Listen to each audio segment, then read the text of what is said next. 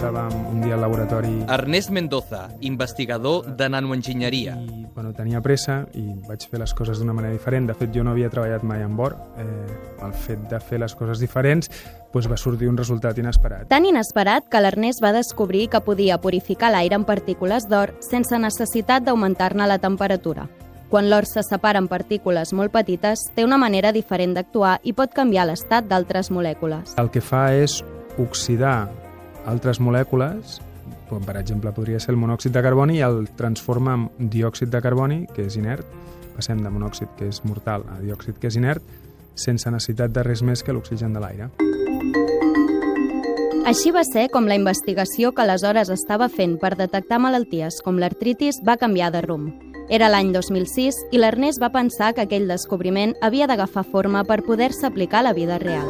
Havia d'aprendre a crear una empresa i va decidir participar en diversos programes per a emprenedors, com l'Innova de la UPC. Jordi Grau és qui va ocupar-se de fer el seguiment del projecte. assessorar-los amb el que és el desenvolupament de l'empresa a través d'un pla de negoci com un treball de, un exercici personal per desenvolupar una idea.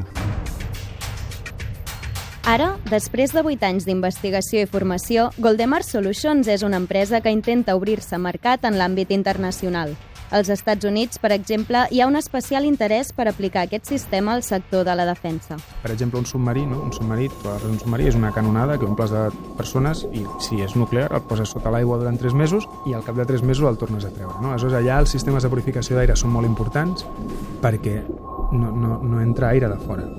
Però purificar l'aire amb partícules d'or no és una tecnologia de luxe. Fem servir eh, particuletes molt, molt petites, que són 45 àtoms, més o menys, un al costat de l'altre, amb, amb el que hi hauria un anell podem fer la producció de, de pràcticament un mes de la nostra companyia. Vull dir que necessitem molt, molt poc or. Amb una inversió público-privada d'1,2 milions d'euros, Goldemar Solutions s'ha marcat dos objectius per aquest any. Créixer ràpidament i aconseguir una facturació anual de mig milió d'euros. Hem crescut i estem a punt de tenir- d'assolir aquesta facturació. Anem una mica més tard, perquè una de les coses que hem vist que és més complicada eh, són els tempos. O sigui, quan treballes amb empreses molt, molt grans, multinacionals, eh, el, els temps tendeixen a dilatar-se.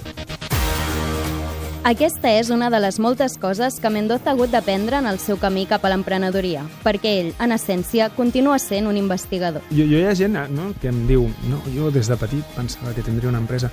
Eh, jo no. No s'ho havia plantejat mai, però aquella tarda de 2006, un descobriment fortuït va ser la nanopartícula perfecta per crear Goldemar Solutions, una empresa que ajuda a fer més pur l'aire que respirem.